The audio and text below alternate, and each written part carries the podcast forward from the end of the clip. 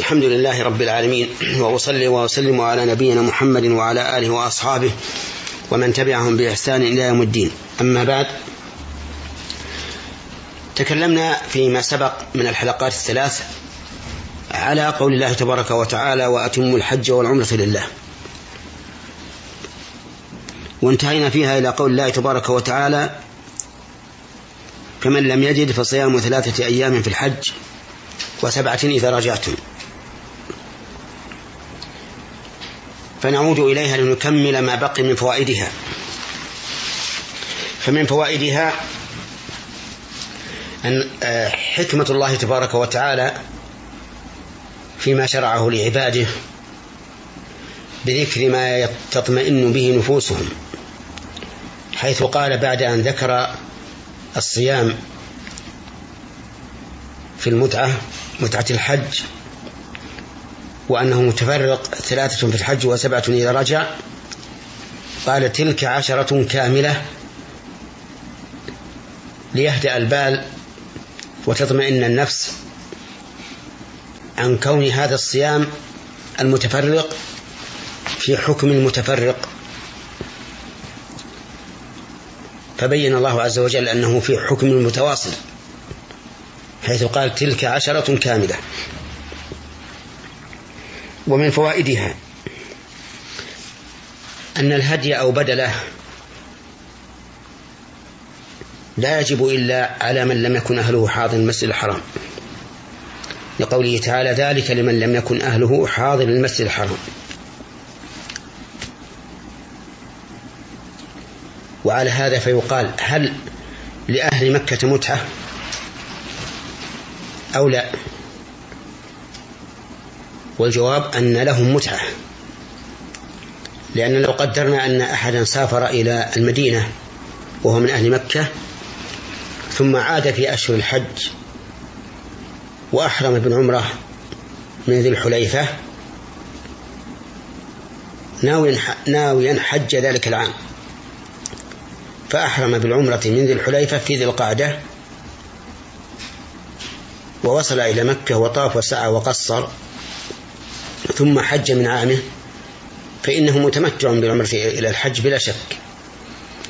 لكن الله تعالى رفع عنه وجوب الفدية في قوله ذلك لمن لم يكن أهله حاضر المسجد الحرام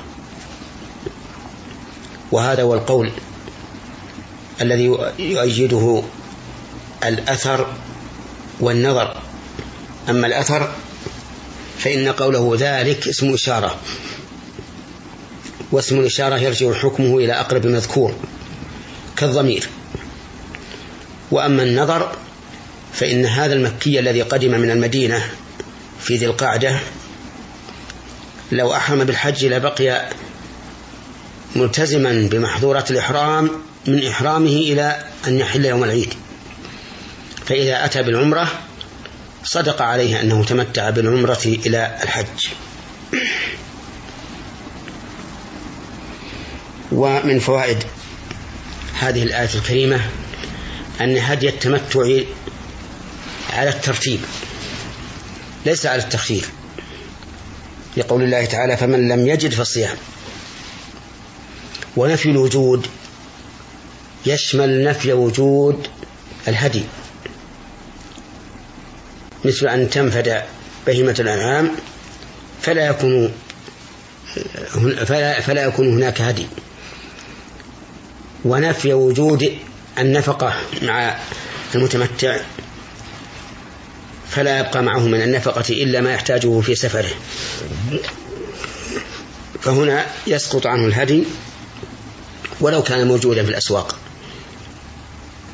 حتى لو قدر أنه يمكنه أن يستسلف أن يقترض من شخص ليوفيه في بلده فإنه لا يلزمه ذلك. لأنه يصدق عليه نفي الوجود. ومن فوائد هذه الآية الكريمة تعظيم مكة.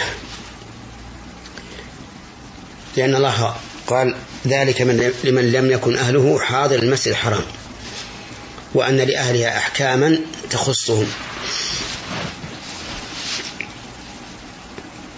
ومن فوائد هذه الآية الكريمة وجوب تقوى الله عز وجل لقول الله تعالى واتقوا الله. والتقوى فعل أوامر الله واجتناب نواهيه تعبدا له. وقد قيل في تفسيرها أقوال لكن ما ذكرناه أجمع الأقوال. وإلا فقيل في تفسيرها إن التقوى أن تعمل بطاعة الله على نور من الله ترجو ثواب الله وأن تترك ما نهى الله على نور من الله تخشى عقاب الله. وقيل فيها خل الذنوب صغيرها وكبيرها ذاك التقى واعمل كماش فوق أرض الشوك يحذر ما يرى لا تحقرن صغيرة إن الجبال من الحصى. ومن فوائد هذه الآية الكريمة عظم ما ذكر الله تعالى فيها من أحكام وشرائع. لأن أمره بالتقوى بعد ذكر هذه الأحكام كالنص على وجوب اتقاء الله تعالى في هذه الأحكام. ومن فوائد هذه الآية الكريمة التحذير من مخالفة من مخالفة الله تعالى وعصيانه في ترك التقوى. لقوله إن الله شديد العقاب. ولكنه جل وعلا شديد العقاب لمن خالف أمره. أما من حيث وصفه جل وعلا فقد قال الله تعالى نبئ عبادي أني أنا الغفور الرحيم وأن عذابي هو العذاب الأليم. وقال اعلموا أن الله شديد العقاب وأن الله غفور رحيم.